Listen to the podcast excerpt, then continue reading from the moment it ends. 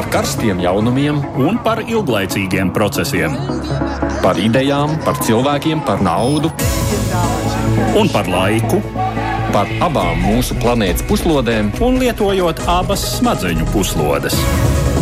Ēterā raidījums divas puslodes. Esiet sveicināti trešdienas pēcpusdienā, ir nedaudz pāri trījiem, un tas nozīmē, ka klāt ir laiks raidījumam divas puslodes. Un tajā tradicionāli mēs stāstām, kas tad aktuāls norisinās tuvākās un tālākās pasaules malās.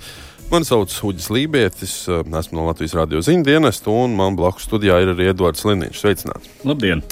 Nu, par ko tad mēs šajā stundā stāstīsim? Nu, protams, droši vien nevienam nav paslīdējis grausīm, ka šī nedēļa ir noteikti tiek pavadīta Ukrainas zīmē, un uh, nedēļas nogalē mēs pieminēsim otro gadsimtu kopš Krievija uzsāka pilna apmēra iebrukumu Ukrainā. Taču šajā nedēļā mēs pieminam arī 2014. gada Maidana notikumus uh, Kijivā, protestētāji bojāja un tiem sekojošo Krimas aneksiju. Nu, faktiski karš turpinās nevien divus, bet jau desmit gadus. Kā Ukrainai veicas kara laukā, ārpus tā, un vai ir pamats optimistiskākām prognozēm pārskatāmā nākotnē? Pagājušajā nedēļas nogalē nāca arī skumja ziņa no Krievijas, Tur ieslodzījumā miris redzamākais Krievijas opozīcijas aktīvists Aleksejs Navaļnīs. Viņa ģimene, atbalstītāji un lielākā daļa rietumu sabiedrības norāda, Navaļnīs nevis vienkārši nomira, bet tika nogalināts. Un vainojams ir Vladimirs Putins un viņa režīms. Kādus signālus Navaļnija nāve sūta viņa sekotājiem un pārējai pasaulē, un kādu mēs varam šai sakarā prognozēt Krievijas nākotni? Par šiem abiem lielajiem tematiem tad arī vairāk spriedīsim šīs stundas laikā, bet um, sākam mēs ar Ukrainu. Krievijas agresija pret Ukrainu ilgst jau desmit gadus. Šeit kā labi zināmo faktu šais dienās mēdz atgādināt dažādu pasaules mediju virsraksti. Pēdējie divi gadi, kurus Ukrainas tauta izmisīgi aizstāvus pret plaša mēroga iebrukumu, daudz apziņā aizēnojuši iepriekšējos astoņus, kuros Krievija tāpat sagrāba teritorijas, grāva un slepkavoja, meloja un manipulēja. Vakar Kijivā tika atzīmēta desmitā gadsimta kopš asiņainā pretstāva Maidanā sasniedza savu kulmināciju un pieminēti 107 tā saucamās pašcieņas revolūcijas upuri. Diemžēl, kā izrādījās, tās bija tikai pirmās dzīvības no daudziem tūkstošiem, kurus Ukrainai nācies šais gados ziedot par savu vēlmi piederēt brīvības un tiesiskuma telpai. Šos nežēlīgos meslus Ukrāņu nācija maksā arī par rietumu pasaules tuvredzību, ērtām ilūzijām, domāšanas inerci, reizums arī noziedzīgu vienaldzību un nožēlojumu pērkamību, ko meistarīgi izmantojas Kremļa režīms. Un pat ja šobrīd pasaules demokrātijas pīlāri sākuši ārstēt šīs ielaistās kaitas, tad atlapšana notiek ar smagiem recidīviem, bet komplikācijas, kā piemēram Eiropas militārais vārgums, būs jūtamas vēl ilgi. Tiesa uz nožēlojamās Savienoto valstu palīdzības situācijas fona zināmi cerību stariņi ir pagājušo nedēļu noslēgtie aizsardzības pakti ar Vāciju un Franciju, kas pievienojas līdzīgam jau janvārī noslēgtam akordam ar Lielbritāniju. Kad 2014. gadā notika Krievijas maskātais iebrukums Ukrainas austrumdaļā, frontes līnijā cits starpā nonāca arī Avdijivkas pilsēta, kurā pirms kara dzīvoja apmēram 35 tūkstoši iedzīvotāju.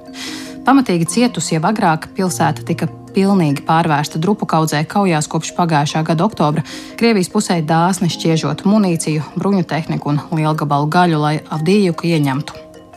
17. februārī Ukrāņu spēki atstāja pilsētu, atkāpjoties uz iepriekš sagatavotām pozīcijām.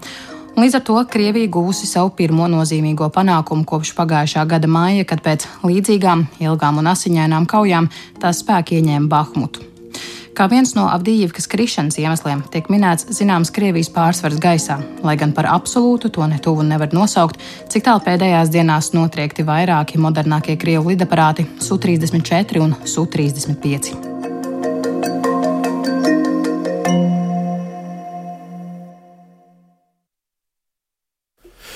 Nu, kā jau ierasts, mēs ar Eduardu studijā arī šoreiz nebūsim vieni paši. Un, uh, mums ir pievienojies arī Latvijas avīzes komentētājs politologs Arnis Litišenko. Sveicināts! Labdien! Un kādā brīdī mums attālināti uz brīdi pievienosies arī bijušais Latvijas Nacionālo bruņoto spēku komandieris Juris Dalbiņš. Bet, uh, uh nu, pirmkārt, uh, atskatoties atpakaļ uz uh, desmit gadu seniem notikumiem, uh, nu, Nu, jā, tas ir diezgan skarbi apzināties, ka mēs runājam jau par desmit gadiem. Nu, tā ir ceturtā daļa no manas dzīves, ja mēs padomājam. Bet kā jūs atceraties to, kas notika pirms desmit gadiem? Edvards, es domāju, to atceries arī vēl iepriekšējo Maidanu gadsimtu. Jā, es atceros, nu, faktiski pirms tam, var teikt, bija divi Maidani. Nu. Ļoti labi es starp citu atceros oranžo revolūciju, kad es jau strādāju Latvijas radio, toreiz gan vēl ne štatā.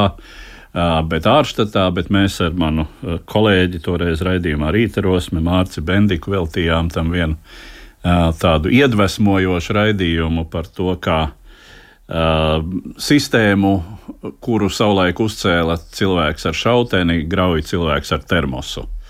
Uh, bet uh, nu, lieta tāda, ka ar to termosu vien tur nepietika, kā zināms. Uh, nu, Ukraina tas ir. Tas ir tūkstošu sējumu, es domāju, dažādu pētījumu, memoāru avots nākotnē vēsturniekiem un citiem un notikumu dalībniekiem, jo nu, tik sarežģīta ir šī izraušanās. Eh, nu, viss jau, protams, ir loģiski, un tas, ko eh, Ukrāņu vēsturnieki un arī kolēģi žurnālisti ir teikuši, ka, protams, tas, cik salīdzinoši viegli vismaz tādā politiskā, juridiskā, sistēmiskā līmenī, salīdzinot ar Ukrajinu, Baltija tika ārā no tās postpadomju telpas. Un tuvinājās Eiropai, nu, tas, to, protams, noteica tas, ka mums bija šie 20 gadi starp diviem pasaules kariem, kas bija vismaz normālas tirgus ekonomikas laiks un normālu, vairāk vai mazāk normālu cilvēku savstarpējo tiesisko un arī tādu vispār attiecību laiks. Līdz ar to nu, Ukrainai ir gājis ja mēs skatāmies uz tiem 30 gadiem, eh, kas eh, nu, jau vairāk nekā 30, kas mūs šķir no mm, Ukrainas suverēnā valstiskuma, nu, faktiski izveides, ja neskaita to mēģinājumu pēc Pirmā pasaules kara, eh, tad tas ir bijis tāds uz priekšu atpakaļ gājiens, ļoti smags, sarežģīts, un tas kulminēja šai Eiromaidanā, kad uh, kad nu, tā bija tā, tā izšķiršanās, ka, un kad Ukraina pierādīja, un Ukraiņu sabiedrība pierādīja, ka lai nu kuru, bet to atpakaļ kaut kādā padomju aizgaldā neiedzīs. Un ka tā ir gatava maksāt ar asinīm. Un tā to pierāda jau visus šos desmit gadus, un visus šos desmit gadus rietumos uz to Uh, nu, teiksim, joprojām daudzi skatās nu, tā ar popkorna tūtu rokās. Kam tā nevajadzētu būt? Nu, labi, pēdējie divi gadi daudziem ir nesuši apjēgu par to, kas ir kas un kas, kādas, uh, kādas ir tās tendences, kuras mēģina šai pasaulē īstenot Krievija. Um, bet uh, Bet nu, joprojām mēs redzam, joprojām, ka valstis, kas ir pietiekami tālu un kuras tiešām šis konkrētais karš neapdraud. Popkorna režīms saglabājas. Nu, tur vismaz daļā sabiedrības. Jā. Arni, tavu iespēju? Par kopumā par desmit kara gadiem. Pirms šī kara sākuma, faktiski 14. gadā, kad nu, sākās Krimas aneksija, nu, es teiksim, tā dzīvoju ar pārliecību, ka, nu, kā Fukujama rakstīja, ka vēsture ir beigusies un kaut kas tāds vispār vienkārši nav iespējams Eiropā.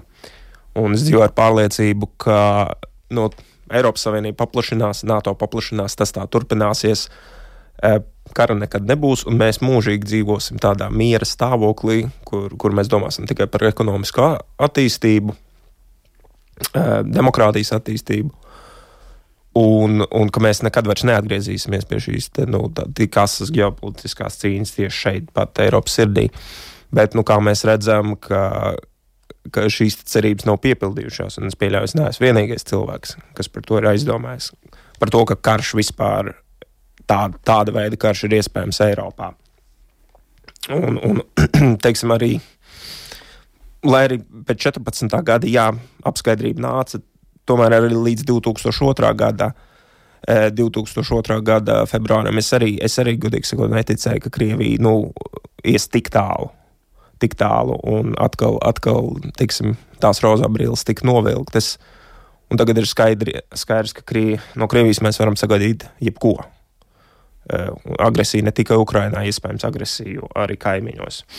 Bet neskatoties uz visu, es teiksim, piekrītu, ko Leņķina kungs minēja. Neskatoties uz to, kādu cenu maksā Ukraiņa, neskatoties uz visām grūtībām. Par šiem desmit gadiem Ukraiņi pierādīja, ka viņi vēlas savu neatkarīgu valsti, un kas ir svarīgākais panākums uz šo brīdi, ir tas, ka viņi eh, ir spējuši nosargāt nu, teiksim, funkcionējošu valsti, kas var turpināt pretoties. Un tas vieš cerību, ka nu, Putina Putin, Putin plāns nav izdevies. Jā, man, vien, man pašam personīgi desmit gadu senie notikumi ir varbūt tāds.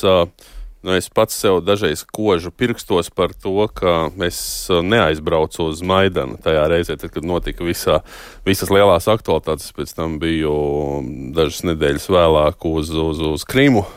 Pirms viss sākās, teiksim, tā tajā starposmā, kad zaļie cilvēciņi jau bija, bet referendums tā sauktais nebija vēl noticis. Bet, uh, Um, Edvards, tu vakar sazvanīji arī Ukraiņu žurnālistu Dmitro Ļevusi, un um, nu, sākumā arī vaicāja, vai Ukraiņas sabiedrība arī joprojām izskan jautājums, vai kaut ko varbūt pirms tiem desmit gadiem varēja darīt savādāk. Jā, um, viņš ir politologs. Āpul. Dmitro Ļevus ir politologs. Nu, mūsu raidījuma regulārs uh, sarunbiedrs. Paklausīsimies viņa stāstīto. Я как-то не слышал такого, что вот можно было что-то сделать по-другому. И, в принципе, es kaut kā neesmu dzirdējis sakām, ka kaut ko varēja darīt savādāk. Un droši vien var saprast, kāpēc tā. Ja valkām paralēli ar 1940. gadu Baltijas valstīs, tad kopīgais ir tas, ka tiešām sākotnēji nebija nekādas bruņotas pretestības.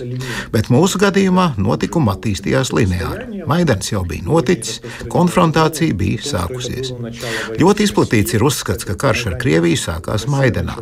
Šodien tur ir izvietots liels plakāts ar uzrakstu: Karu Krievijā sāka šeit. Mūsu refleksija šodien patiesībā ir citāda. Vai pēc Maidana viss izdevās? Cik lielā mērā Maidana uzsāktās reformas un pārmaiņas sabiedrībā patiešām ir bijušas efektīvas, un cik lielā mērā šie upuri nebija veltīgi? Par to, ka Maidans varētu būt bijis veltīgs, es gan neesmu dzirdējis tikai no atklāti prokrieviski noskaņotiem cilvēkiem. Maidanu kā būtisku notikumu šodien pieņem arī tie, kuri toreiz bija noskaņoti pret vai neitrāli. Aktīvajiem Maidana dalībniekiem, protams, joprojām nozīmīgs moments ir tas, cik lielā mērā vara ir mainījusies, cik lielā mērā ir iespējams ietekmēt varu. Šajā kontekstā īpaši nozīme vienmēr ir bijusi tiesiskumam, tam, lai Maidana bendas tiktu sodīti. Šodien aprit desmitā gada diena kopš 47 cilvēku nogalināšanas institūta ielā, kur tika nošauta galvenā daļa no tā saucamā debesu simta. Jautājums par sniperiem joprojām nav līdz galam atbildēts. Vienības Berkuta kaujinieki, kur šāva uz cilvēkiem, netika līdz galam notiesāti. Dažas lietas izjuka, daži izvairījās, citi aizbēga. Taču kopumā pārmaiņu process tika iedarbināts, un tas laikam gan ir galvenais noskaņojums šodien mūsu sabiedrībā, ka mums izdevās panākt, ka ar mūsu izvēli rēķinās, ka neatļaujas mūs nekaunīgi ignorēt. Sevišķi jau šodien, kad mums acu priekšā ir Krievijas un Baltkrievijas piemērs, kur par protestiem, kas ir ne tūt, ne tik radikāli, cilvēki tiek smagi sodīti. Vārdu sakot, ir izrādījies, ka Ukraiņi darīja pareizāk. То, что произошло вот накануне и Visnesenākie notikumi - ģenerāļa Zalužņija atvaļināšana no bruņoto spēku pavēlnieka amata, pēc tam Avģīvkas atstāšana. Kādus noskaņojumus tie pašreiz rāda Ukrainas sabiedrībā? Не сказал бы, что замена командования сил обороны Украины, что... Es neteiktu, ka Ukrainas aizsardzības spēku vadības nomaiņa būtu ļoti radikāli ietekmējusi sabiedrības noskaņojumu. Protams, Ukraiņi savā lieluma lielajā vairākumā uzticējās Valērijam Zalūžnijam. Arī tagad, pēc pēdējo aptauju datiem, uzticēšanās reitings viņam ir, ja pareizi atceros, 94%. Augstākais starp šodienas Ukrainas politiķiem un militārajiem darbiniekiem. Tajā pašā laikā prezidents Lenas uzticības reitings ir, cik atceros, 66 vai 64%. Arī ļoti augsts.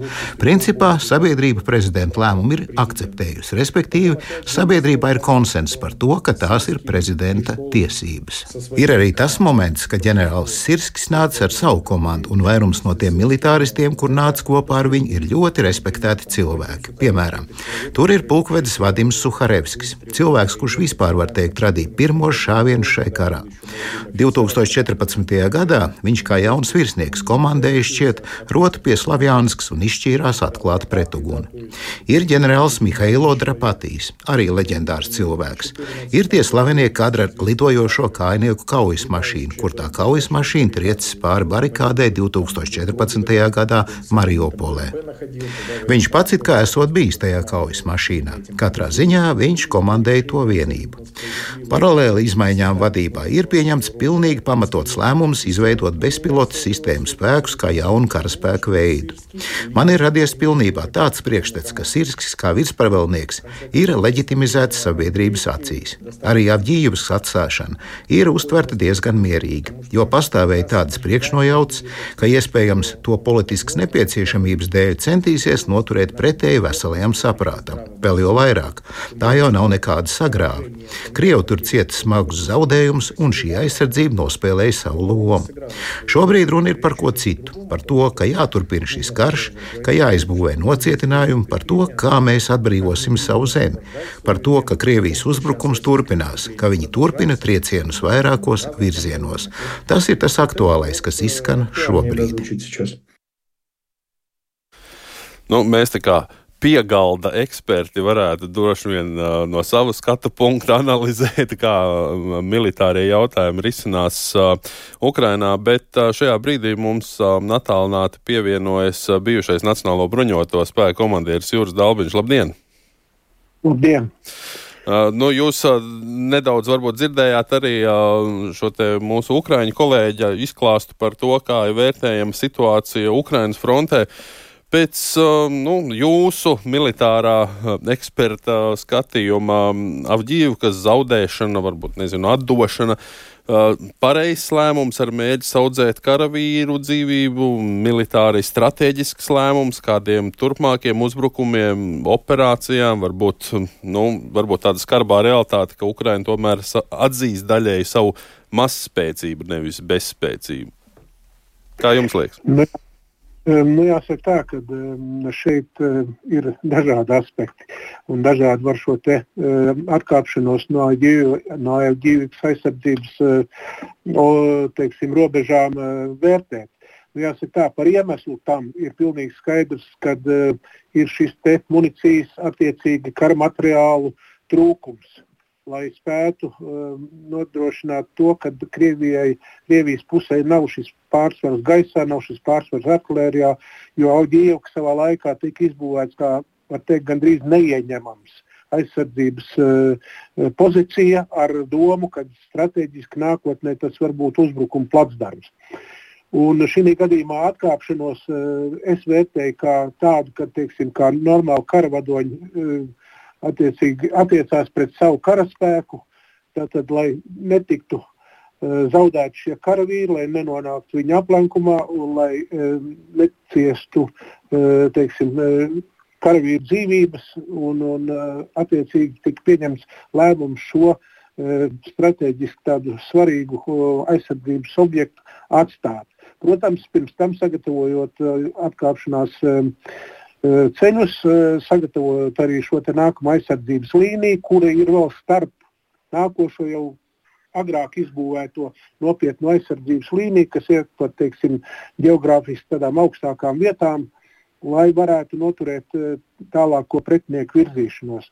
Tā tādā veidā es uzskatu, ka šeit ir tīri uh, ņemts vērā tas, lai nezaudētu karavīrus un saglabātu viņus, teiksim, kas būtu arī reāli iespējams um, viņus izmantot pēc tam, pārgrupējot, uh, atpūtinot un atkal um, sakot, dodot viņiem uzdevumu uh, attiecīgi piedalīties kara darbībā. Um, ja mēs runājam par diviem uh, bruņoto spēku komandieriem, Zalužņiju un Sirski, uh, visai atšķirīgi, arī diezgan atšķirīgi vērtēti. Nu, par Zalužņiju nesaskaņām ar Zelenski runāja arī iepriekš. Un, uh, nu, šeit tas viens no jautājumiem varēja būt, ka viens varbūt ir gribējis saudzēt karaspēku, otrs varbūt ir vēlējies lielākas uzvaras, ātrāku virzību. Trešais tagad nāk ar kādu citu piedāvājumu. Uh, nu, kā, lieka, uh, kā jums liekas, tur ir uh, tiešām tādi militāri, politiski apsvērumi vai tīri praktiski cilvēciski? Ziniet, es teikšu, ka es liktu uzsvaru uz militāri politiski. Un, jebkurā gadījumā, ne tikai šeit ir, teiksim, sakot, kājas aug ne tikai pašā Ukrainā, bet, ja mēs uzdodam jautājumu, kam tas ir izdevīgi, tad jebkuras šāda veida turbulences, pārmaiņas, kā sakot, eh, kaujas eh, laikā, parasti jau saka, zirgus uz pārbrauktos nemaina, eh, ir izdevīgi kam? Atbildi ir viena - Krievijas pusē. Un šī gadījumā es negribu iet ļoti dziļi sīkumos iekšā par to, kādā veidā šāda veida maiņa nobrieda un, eh, un, un teiksim, ar kā argumenti, kādi bija um, virspavēlniekam, tātad prezidentam, viņam ir šīs tiesības un viņam ir jāpieņem šādi lēmumi. Viņš to izdarīja, un tagad ir vienīgi jādara tas, lai attiecīgi Ukraiņas puse savā turpmākajā kara darbībā nezaudētu šo te, spēju pretoties iniciatīvu un lai nebūtu teiksim, tas e, pārāvums, jebkuras komandas maiņa nosaka to, ka šai komandai vispirms ir jāsastrādājas savā starpā un attiecīgi arī e, momentā ielecot iekšā tādā kardarbības vadīšanā un plānošanā, tas nav tik vienkārši pārņemt. Protams, tur ir cilvēki, kā jau tika minēts, ar lielu pieredzi, kur ir visu laiku bijuši šajā kardarbībā. Cerēsim uz to labāko bet kas attiecās uz eh, teiksim, eh, Zalužņī nomaiņu, tad eh, es teiktu, ka šeit ir arī klāt zināmi ārējie spēki, kuri veicināja šo nesaskaņu, teiksim, varbūt rašanos un šo sakot, atšķirību pieejās kara vešanai, lai to uzkurinātu vairāk un attiecīgi tiktu pieņemts šāds lēmums. Es to nosaucu par IPSO. Tas ir teikt, speciālā psiholoģiskā operācija, kas tika veikta. Protams, ne jau tur bez arī ārpasaules, bez Krievijas informatīva, psiholoģiskā speciālā operācija. Nu, es domāju, ka tur savus rociņus arī pielika ietekmes cilvēki. Tas ir mans viedoklis personīgais. Paldies šajā brīdī teikšu bijušajam Latvijas Nacionālā bruņoto spēku komandierim Jurim Dalbiņam, un mēs atgriežamies šeit pat studijā. No teiktā iepriekš var noprast, ka vismaz nu, sākotnēji būs gaidāms kaut kāds pieslīpēšanas pārējas periods, bet arī skatoties nedaudz ārpus tīri militārām jomām, šo gadu Ukrainai sola ļoti smagu lēnu, gaidošu. Uh, no dažādiem viedokļiem, ja mēs kaut ko ņemam klāt, Eiropas reakciju, Amerikas reakciju, Amerikas vēlēšanas. Kā jūs uz to visu skatāties, Arne? Šoreiz tev došu priekšroku. Nu jā, tas jau bija teiksim, pat gada sākumā. Saprotams, ka Ukraiņa šo gadu pavadīs pa lielam aizsardzības zīmē pēc, pēc veiktā pretuzbrukuma, kas bija pagājušajā gadā. Un, ir skaidrs, ka ar lielu varbūtību, ka viņi nekādas teritorijas šogad arī neatbrīvos, bet Krievijas uz priekšu. Bet, um, jāņem vērā arī to, ka, nu, piemēram, Avdievku viņi paņēma, viņi, protams, izmantos to, to um, savā propagandā, uzpūtīs Avdievku lielāku nekā tā patiesībā ir. Bet, godīgi sakot, jāsaka, no Ukraiņas mērogā tā ir mazpilsēta, tā ir neliela piepilsēta. Uh, Doņetskai, ko komandieris minēja, potenciāli varētu kaut kad nākotnē izmantot kā placdarmu uzbrukumam Doņetskai. Bet jāsaka tā, ja Krievija atdod par katru mazpilsētu, kur ir ļoti daudz Ukrainā, 47,000, nu, jāsaka tā, Krievijas armija arī nav bezgalīga. Un šobrīd Ukrainā varētu atrasties apmēram līdz 600 tūkstošiem Krievijas karavīru. Ja viņi turpinās tādā tempā, viņi tālāk, iespējams, pat līdz Slovenskai arī netiks. Šis, te, šis te jautājums par uh, spēku bezgalīgumu, tas ir arī pēdējā laikā ļoti pretrunīgi vērtēts. No vienas puses uh, tiek minēts, jā, lieli zaudējumi, bet ļoti daudz brīvprātīgo, kas turpina pieteikties. Ukrainas pusē spēku zaudējumi lieli. Notiek diskusijas par to, kā nopirkt indulgenci no neiešanas karot. Uh, un šeit kā var nospēlēt šis faktors? Vieni grib, otri arī grib, bet ne, ne par nu, katru cenu. Es domāju, ka tā aina nu, nav tāda, kā tu to kā tu to šeit uzzīmēji, ka Ukrainā notiek pamatā izvairīšanās, un no, Krievijā ir... Eh, ir pamatā brīvprātība. Eh, jā, Krievijā ir brīvprātīgie, lai gan mēs zinām, ka Krievijā darbojas arī iesaukšanas sistēma, un mēs zinām, kādus visvisādus paņēmienus Krievija ir izmantojusi. Gan šie iepriekšējie iesaukumi, kur nonāca frontē, uh, ļaudis, kuriem tur nevajadzēja nonākt ģimenes stāvokļa dēļ, daudz bērnu tēvi, um, veselības stāvokļa dēļ, cilvēki, kuri acīm redzot nav piemēroti um, aktīvai karošanai un tā tālāk, un tā tālāk. Tur bija daudz nejaušību. Tad visa šī sāga ar kriminālu ieslodzītajiem, kas ir nu, tāds, jā, Krievijas know-how. Runājot, bet nu, absolūti arī mm, skeptiski vērtējams, jo tās, tas efekts eh, uz Krievijas sabiedrību, kāds tas būs eh, un kāds tas jau šobrīd ir. Eh, kad cilvēki, kas ir sēdējuši cietumā, tā skaitā par ļoti smagiem noziegumiem, atgriežas mājās kā varoņi, vēl ar uzpumpētu pašapziņu un zināmu, lietosim šo vārdu, indulgenci, uh, nopirktu, tā sacīt, aizstāvot dzimteni. Un, nu, protams, lielākoties viņi tur sastrādā vēl šo to, un, lai, un atkal drīz iespējams atgriežas turpat ieslodzījuma vietās. Un, nu, tās, ir, tās ir ciešanas, tas ir tas, kas, kas ir. Un pie tam šos viņa noziegumus mēdz arī varas iestādes notušēt. Nu, mēs to visu dzirdam no Krievijas. Tā kā nu, tā aina, tas, kas joprojām ir lielā aktualitāte un lielais pārsteigums, ir tas, ka Putina režīms tiešām ir izveidojis sabiedrību, kur ļauj nolikt, nolikt kaujas laukā. Nu, šobrīd tātad neatgriezeniskie zaudējumi ir 350 tūkstoši. Tas ir. Tas ir kā. Tas, es atļaušos atgādināt, tas ir, tas ir 20 reižu vairāk nekā, nu, nekā kritušo. Tāda neatgriezeniskie zaudējumi tur ir iekšā arī tie, kuri ir sakropļoti tā, kā vairs kaujas laukā atgriezties nevar. Nu, bet tas nav, nav nekas daudz saulēnāks. Ja, ja mēs iedomājamies šo cilvēku nākamo, turpmāko dzīvi, tad nu, Afganistānā kritušo bija 15, 15, apmēram, apmēram 15,000. Ja? Um, nu, Tā tad tas, tas ir pārsteigums. Tas ir zināms šoks visai pasaulē, ka krievi ļauj sevi slepkavot. Bet, nu, te ir, te, te, protams, mēs jau arī zinām visu to, visu to musturi. Ja? Kā frontē nonāk, kā frontē nonāk cilvēki lielākoties no sociāli nelabvēlīgas vides vai no sociāli nelabvēlīgiem reģioniem. vispār attāliem reģioniem un tā tālāk. Un tā tālāk.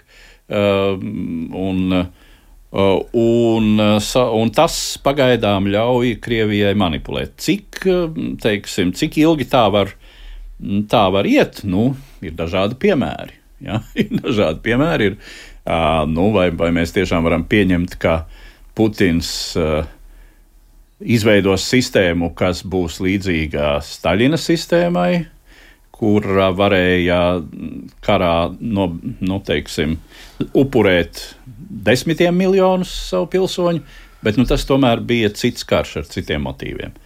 Ja? Tur nebija šaubu, ka Krievija otrā pasaules kara laikā, padomju vācu karā, Krievija cīnījās par savu eksistenci, un Krievu tauta, Krievu nācija cīnījās par savu pastāvēšanu. Tas ir diezgan nepārprotami.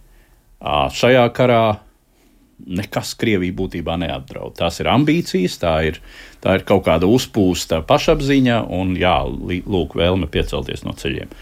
Nu, cik, cik to, bet jā, joprojām pagaidām Putins ir pārsteidzis visu pasauli ar šo lielgabalu gaļas resursu. Ka tas ir tāds, to nu neviens negaidīja pārsteigusi pasauli tik tālu, ka pasauli ļoti domā, ko tagad arī darīt un kā darīt. Vai jūsuprāt, mēs varam to tālā laikā redzēt kādas tektoniskas pārmaiņas domāšanā, vai kaut vai to pašu Ameriku pieminot, domājot? Nu, Amerikas tektoniskās pārmaiņas ir varbūt salīdzinoši mazākas. Nu, Amerika kā zināms, šo globālā žandarma lomu ir spēlējusi gadu desmitiem. Uh, ir droši vien, uh, nu, ir acīm redzami, liela daļa amerikāņu sabiedrības no šīs lomas pagurusi, un tas arī nav nemaz tik viegli, protams, vilkt šo, šo slogu. Bet ir taču forši būt. Uh, nu, Jā, bet mēs, valstī. redzam, bet mēs redzam šo, šo pretējo viedokli Savienotajās valstīs, kam arī ir ļoti dziļas vēsturiskas saknes.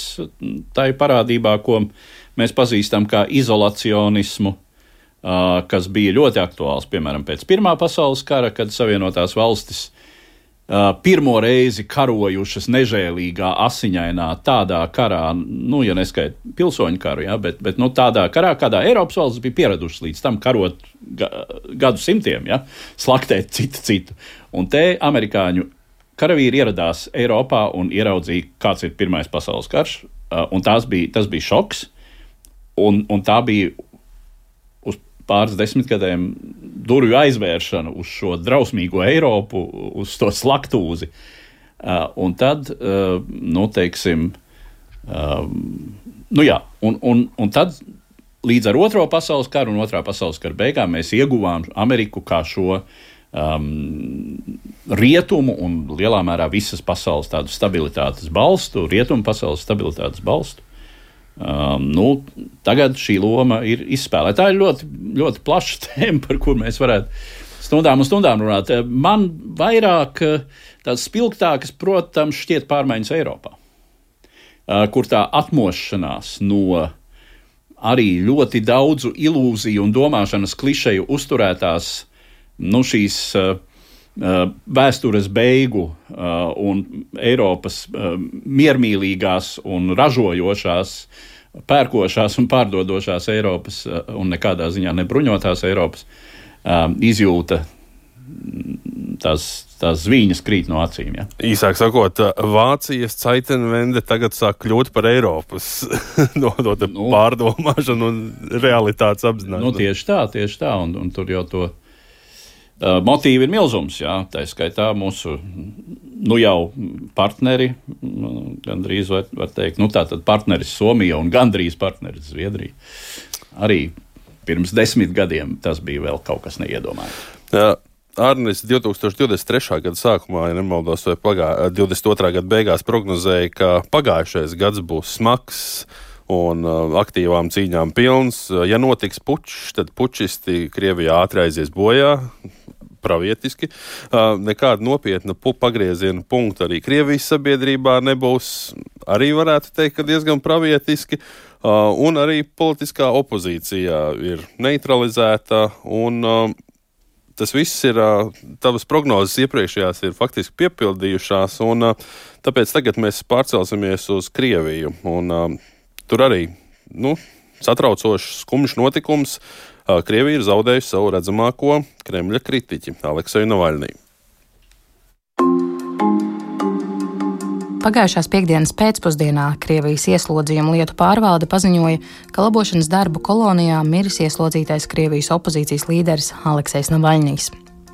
Kā oficiālais nāves iemesls tiek minēts pēkšņās nāves sindroms. Lai gan īsto nāves iemeslu šobrīd un diez vai vispār varēs noskaidrot, jo Navaļņie līķi ģimenei neados vēl vismaz divas nedēļas, kamēr tikšot veikta ķīmiskā ekspertīze. Tomēr skaidrs, ka pie viņa nāves ir vainojams Kremlis. Namaļņīs savas dzīves laikā bijis nērts pretinieks Kremlim, regulāri izgaismojot valdošās elites koruptīvās darbības, izvedot ielās protestētājus un kopā ar žurnālistiem no Belinkets, CNN un citiem medijiem atklājot arī to, kā tieši Kremlis centās viņu noindēt 2020. gadā. Šai pusrobežai Aleksis Navaļnīs gan bija pretrunīgi vērtēta persona. No vienas puses, vienīgais, kas vēl spēja apvienot Krievijas opozīciju un bija gana drosmīgs, lai atgrieztos Krievijā, labi zinot, kas viņu sagaida dzimtenē. No otras puses, netiek aizmirsts tas, ka 2007. gadā viņš bija pievienojies radikālajai Nacionālās Krievijas atbrīvošanas kustībai. Navaļņīs arī atbalstījis Krievijas iebrukumu Grūzijā 2008. gadā, kā arī paudis, ka citēju, Krima paliks Krievijas sastāvā un pārskatāmā nākotnē nekad vairs nekļūs par daļu no Ukrainas. Šeit gan jāpiebilst, ka pagājušajā gadā Navaļnijas rakstīja, ka Ukrainas robežām jābūt tām, kas starptautiski atzītas un noteiktas 1991. gadā. Pēc ziņām par Navaļņija nāvi virknē Krievijas pilsētu cilvēki devās nolikt ziedus viņa piemiņai pie pieminekļiem politiski represētajām personām. Divās dienās Krievijā arestēja vairāk nekā 400 cilvēku, kas vēlējās pieminēt nelaiķi. Pirmdien Navaļnija atraitni jūlijā publicēja video uzrunu, kurā paziņoja, ka viņas vīru noslapkojas diktators Vladimirs Putins un solīja turpināt opozicionāra cīņu, aicinot Krievus stāties viņai līdzās un turpināt cīnīties par brīvu Krieviju.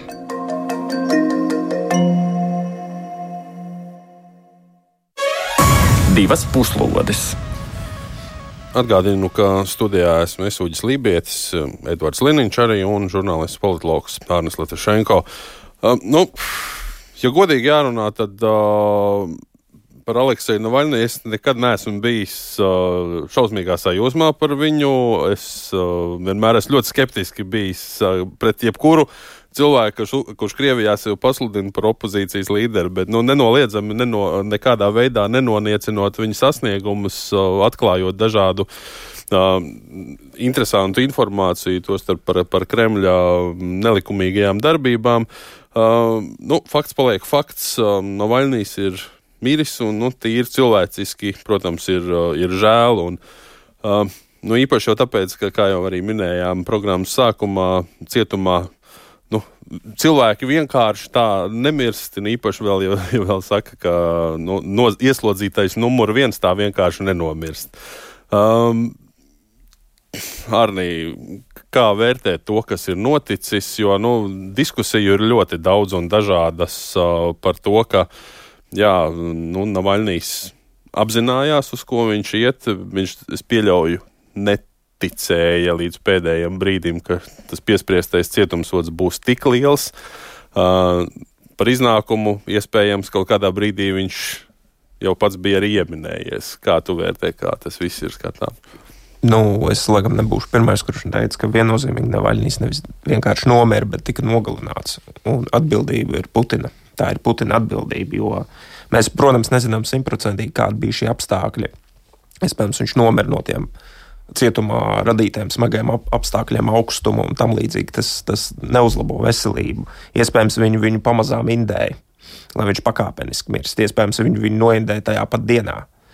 E, to, to varbūt tikai izmeklēšana atklās kādreiz. Ja, bet šobrīd arī tas, ka neizdod viņa līķi viņa ģimenei un viņu tur, un visticamāk, e, Cik ir dzirdēts eh, no dažādiem avotiem, arī FSB ir ieradusies tajā cietumā. Iespējams, viņi tīra tagad Navaļnī līķi, lai, lai tajā neatrastu, neatrastu nekādas īņas pēdas, kā ir bijis pirmoreiz, kad, kad Navaļņu atdeva uz Vāciju un, un atrada Novičoku. E, teiksim tā par Navaļņu, jā, Navaļņī, teiksim, uzskati, uzskati ir bijuši pretrunīgi. Bet, kā jebkuram? Kā jebkuram cilvēkam, bet jā, jāmin tas, ka e, cilvēku uzskati ir mainās un attīstās. Un, teiksim, pēdējo gadu Navaļnijas e, ir, ir bijis pavisam cits cilvēks nekā viņš bijis iepriekš. Un, un jāņem vērā ar to, ka nu, es, es pilnīgi esmu pārliecināts, ka Navaļnijas apzinājās, uz ko viņš iet. E, viņš bija gatavs nest teiksim, upuri savu uzskatu dēļ. Viņš arī minēja, minēja pirms viņš ieradās Krievijā, kad viņš vēl bija Vācijā, ka ja viņi nogalinās, tad Krievijas opozīcija nevajadzētu padoties. Proti, viņš apzinās, ko, uz ko viņš iet, jo viņš atdod faktiski savu ķermeni pilnīgai kontrolai, čekistu kontrolai. Viņi kontrolē katru viņa gājienu, ko viņš ēd, ko viņš dara kamerā, kur viņš sēž un tam līdzīgi. Ne katrs cilvēks būtu gatavs uz kaut ko tādu iet, nu, apzinoties, kāda ir vispār čekistu vēsture. Kāds, tavuprāt, ir tas vēstījums, kas tad tika nodots tiem nu, Navaļnī sekotājiem, līdzgaitniekiem? Es ceru, ka viņa vēstījums dos kaut kādu rezultātu. Primāri nevis pašā Krievijā. Tur pretoties ir grūti, jo Krievijā šobrīd pastāv totalitārs režīms, bet cerams, ka vēstījums sasniegs rietumus. Un vismaz nu, būtu smuki ieviest kaut kādu veidu papildus sankcijas, līdzīgi kā tas bija par Magnītiskā aktu. Nu, tas ir minimums. Labākajā gadījumā, ja rietumi tiešām kārtējo reizi sāks piedomāt, nu, ar ko viņiem ir darīšana ka šis cilvēks slepkavos visus un neapstāsies. Un, un, protams, arī citi op opozicionāri šobrīd ir nāves briesmās, kas, kā piemēram Karamurzā vai, vai e, Jašins, kuri arī ir cietumā. Savukārt, runājot par, par jūs minējat arī e, par to bargo sodu, ko piespried, tam vispār nekādas nozīmes nav. Viņa sods bija tik ilgi, cik viņi turēs. Faktiski tas ir mūža ieslodzījums, vai arī tad, kad Putins gribēs apmainīt, vai arī tad, kad Putins gribēs nogalināt viņu. Līdz ar to par Krieviju, Krievijas gadījumā mēs vispār nevaram runāt ne par kādu tiesiskumu. Tur nepastāv ne tiesas institūcijas, tur pastāv Kremļa administrācija, kur var piezvanīt un pateikt, kādam ir jābūt sodam. Un šeit uh, gribētu vēl vienu Edvarda vakardienas sarunu, šoreiz ar kriopolitologu Dmitriju Oreškinu. Nu, paklausīsimies, ko viņš atbild uz jautājumu, vai nu, Krievijas opozīcijai zaudējot līderi un, kā jau Arni, tu teici, iegūstot faktiski mocekli, vai Navaļnijas nav kļuvis patiesībā vēl bīstamāks Putinam? Ну, я бы начал с того, что политическая оппозиция – это роскошь, которую... Es sāktu ar to, ka politiskā opozīcija tā ir greznība, kur sev var atļauties tikai valsts ar vairāk vai mazāk iesakņotiem demokrātijas noteikumiem. Opozīcija tā ir daļa no politiskās sistēmas. Putina Krievijā tādas greznības kā opozīcija nav. Tāpēc, formāli runājot, saukt Navaļniju par opozīcijas līderi, tas nozīmē nedaudz klaimot Putina režīmam. Navaļnijas bija antiputiniskā protesta līderis. Padomu realitātē arī nebija opozīcijas. Bija disidenti, bija protestētāji, bet Saharovs nebija opozīcijā Brežņevam, jo viņam nebija nekādas iespējas pārņemt varu. Pareizi ir tas, ka Navaļnijas bija pats spilgtākais Putina pretinieks, simboliska figūra pats bīstamākais, pats konsekventākais un pats perspektīvākais. Tāpēc es nepiekrītu spriedelējumiem par to, ka miris Navaļnijas ir Putinam bīstamāks nekā dzīves. Dzīves Navaļnijas pastāvīgi ģenerēja jaunas nozīmes, dzīvam Navaļnijam pastāvīgi auga auditorija. Miris Navaļnijas var tikai nodrošināt vienu protestu uzbangojumu, ko mēs jau novērojām. Bet kas tālāk? Tāpēc es domāju, ka jēdziens par to, ka miris Navaļnijas ir bīstamāks, ir izdomāts Kremļa gaitiņos. Loģika ir tāda, kāpēc gan mums vajadzēja viņu nogalināt? Viņš mums nebija bīstams.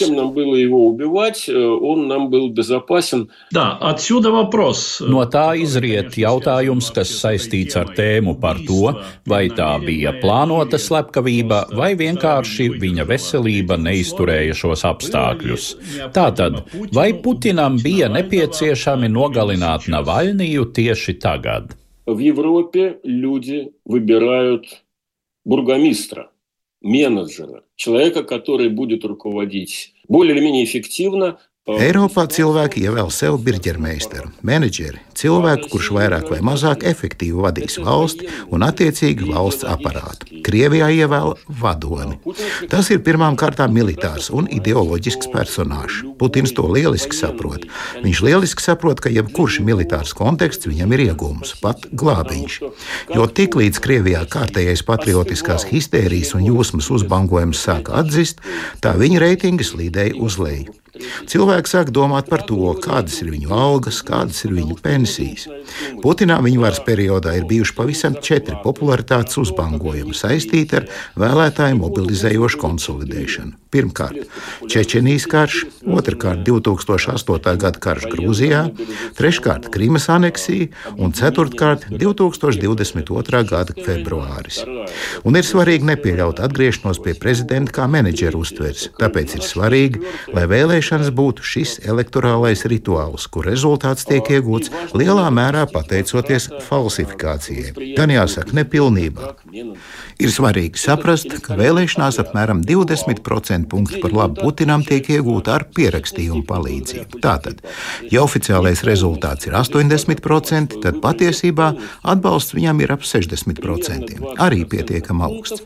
Bet viņam vajag vairāk, jo ir jārada šī mobilizējošās vienotības izjūta, kur viņš ir visvarens, bet viņam apkārt visāda sīka elektorālā fauna - 3, nu maksimums 5% augumā. Bet te parādās kaut kādi alternatīvi ļaudis, kur saka, ka ir pret karu.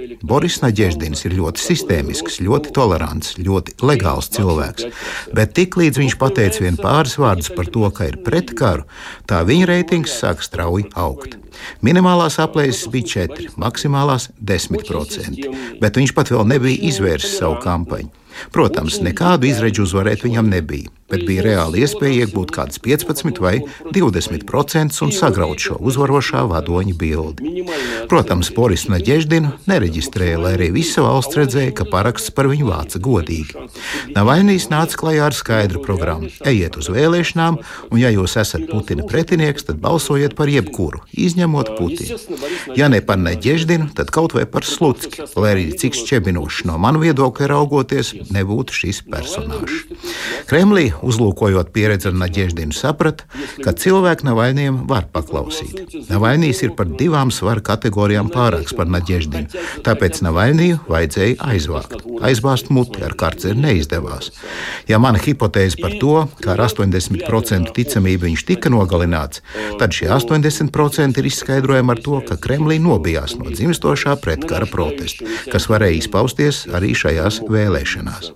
Как вы оцениваете? Kā jūs vērtējat Jūlijas Navaļnijas iespējas kļūt par kādu antiputinisko spēku konsolidējošo centru? Она удивительно яркая, цельная, умная, я уж не говорю про то, что красивая. Viņa ir apbrīnojama, spilgta, groda, gudra. Es jau nemaz nerunāju par to, ka skaista un stipra sieviete. Man ir nācies ar viņu tikties, tāpat kā ar Aleksēju Navaļniju. Viņa ļoti labi saprot, tāpat kā starp citu Navaļnijas krievu vēlētāju. Un tieši tāpēc viņa vienmēr ir turējusies ēnā. Krievija ir ļoti konservatīva valsts, kur nepārāk ieredz sievietes politikā. Pie mums bija tā, biedrs Staļins, bet viņa tūmā nekādu bruņķu biedrs Brežņevs, bet viņam tūmā nekādu bruņķu. Līdzās biedram Andropovam arī nē, biedram Černienko arī nē. Tagad apstākļi spiež Jūliju iziet uz skatuves, bet viņai vēl ir jāveido savs tēls, jāveido sava komanda. Es nepavisam neesmu drošs, ka visi Navaļnī komanda tā vienkārši pāries pie viņas mantojumā. Tur ir spilgti cilvēki ar saviem priekšstatiem un savām ambīcijām. Tie 30, 40% Krievijā, kur šausmina notiekošais, gaida kaut ko jaunu. Un šai ziņā sievietes politika var izrādīties pilnīgi neparedzama. Jo tradicionālā vīriešu politika ir tā kā nedaudz apnikusi. Visi runā par tiesībām, par konstitūciju, par negodīgām vēlēšanām. Ja Jūlija Navaļnija teiks citus vārdus par to, ka sievietei ir vajadzīgs vīrs, bērnam ir vajadzīgs tēvs, bet pateicoties Putinam, šobrīd Ukrainā darbojas gaļas mašīna, kur šos vīrus, tēvus un dēlus pārstrādā maltajā gaļā. Ja Jūlija pārnesīs dienas kārtības degpunktu un politisko retoriku šajā vienkāršās cilvēciskās pretošanās sfērā, мира, tad tas var dot neparedzamu эффекту. Просто человеческого сопротивления, то это может дать непредсказуемый эффект. Mēs jau te aizkadrā nedaudz uh, pasmīnējām par to, ka pie stingrajiem padomju savienības līderiem brunču nebija. Uh, Gorbačovam blakus bija sieva Raisa un sabruka padomju savienība. Uh, Tāpat kā Hruščovs arī mēdz parādīties kopā ar bet, uh, īstenībā tas ir, uh, mēs varam ķiķināt vai neķiķināt, bet, uh, ja, ja tā paskatās, tad nu, tādā Krievijas politiskajā vēsturē nu, tādas zināmas opozicionāres ir bijušas divas, ja nemaldos, Hakamada un Novadorska, es aizmirsu to. Novadorska, jā, jā, viņa Uh, bet faktiski jau uh, nu, tāds sievietes politiķes uh, nu, kults ir ļoti neierasts. Mēs redzam, ka Baltkrievijā ir ļoti līdzīgs piemērs, uh, kur uh, ir nu, faktiski identiska situācija. Gan drīz vai. Uh, kā jūs vērtējat uh, iespēju, ka Navaļnija vietā nāk Navaļnija? Nu, Oreškina kungs jau diezgan precīzi to situāciju raksturoja. Un, protams, mm, Cihanovskas kundze ir tas mm, ļoti tūs, nu, tiešām tā taisnība, te ir identisks piemērs. Eh, bet nevienīgais pasaulē ir, ir citi gadījumi, kad uh, sieva uzņemas turpināt, uh, tā izskaitā, autoritāru režīmu un nobendētu vīru sacīt, šo, šo darbu. Un, un, tas uh, ir visumā sekmīgi. Nu, no vienas puses tas jau ir tāds ļoti arhaisks motīvs, ka lūk, nu, karalis ir miris, bet ja karaliene ir gatava kāpt tā sacīt tronī vai šajā gadījumā ņemt zobenu un sēsties zirgā, tad uh, iespējams, ka tas viss var notikt. Uh, nu, man nav īsti daudz ko piebilst tam, ko Oreškina kungs diezgan izsmeļoši, izsmeļoši par to teica. Ir, ir šis par un ir šis pret. Arni, tev kā liekas? Es arī piekrītu, ka ir grūti pateikt. Jāsaka, tā Navaļnijas nebija vienīgais opozīcijas līderis. Ir, ir, ir daudz citi. Bet runa ir par to, ka šobrīd visa šī opozīcija ir faktiski trimdā. Un, un ietekmēt viņi procesu Krievijā var tikai nu, izmantojot dažādas saziņas līdzekļus, internetu primāri. Bet runāt par Krievijas sabiedrību, jā, tas bija paredzams, ka tas protests nebūs, šis nebūs tas protests, kurš gāzīs um, Putina režīmu, bet ir jāsaprot tas, ka arī Krievijas sabiedrība nogurusi no kara faktiski. Un, un to cilvēku, kuri apzinās patieso situāciju, ir daudz, daudz, to cilvēku daudz vairāk nekā, nekā, nekā bija šajā pēdējā protestā. Es domāju, ka vienkārši x stundu vēl nav piegājusi. Mēs visu laiku gaidām, nu kad, nu kad, nu kad, nu kad būs, kad Putina režīms kritīs, cilvēki izies. Tā vēl nav pienākusi. Vēl kaut joprojām paralēlis uh, ar Baltkrieviju. Uh, nu, izskan viedoklis, ka faktiski uh, Navaļnija nogalināšana visticamāk uh, ir arī vēstījums uh, Aleksandram Lukašenko, ka to ar savējiem arī var darīt to, ko gribi. Ja mēs runājam par Baltkrievijas protestu kustību, arī tā pašlaik atrodas lielākoties ārpusē ar paziņojumu, ka mēs tūlītās varam jums atņemt pilsonību par to, ka jūs piedalāties protestos. Kaut kas līdzīgs arī vēstījums Baltkrievijai, vai redzat to kaut kādu sasaisti šeit? godīgi sakot, nu, jāsaka, jāsaka to, ka Lukašenko, kad nāca pie varas uzreiz 90. gadu beigās, viņš sāka ar visu oponentu apslapkošanu. Tā kā teiksim, viņš pat ir pirmgājējis. Kurš no kuriem mācījās? Jā, kur... Tieši tā, tieši tā. Jā, viņa mērogi ir mazāki. Jā. Uh, bet, uh, jā, Putins ir nonācis tur, kur Lukašenko ir jau sen. Un, un tur nu, abi šie režīmi darbojas šobrīd tandēmā. Un es gribētu teikt, ka Lukašenko šobrīd jau dara ar opozīciju tur, tur jau arī ir, nāv, ir vairāk nāves gadījumu, vienkārši tie nav tik skaļi. Starp citu, tieši šajās dienās arī vēl viens um, politieslodzītais Baltkrievijā arī ir um, nu, miris.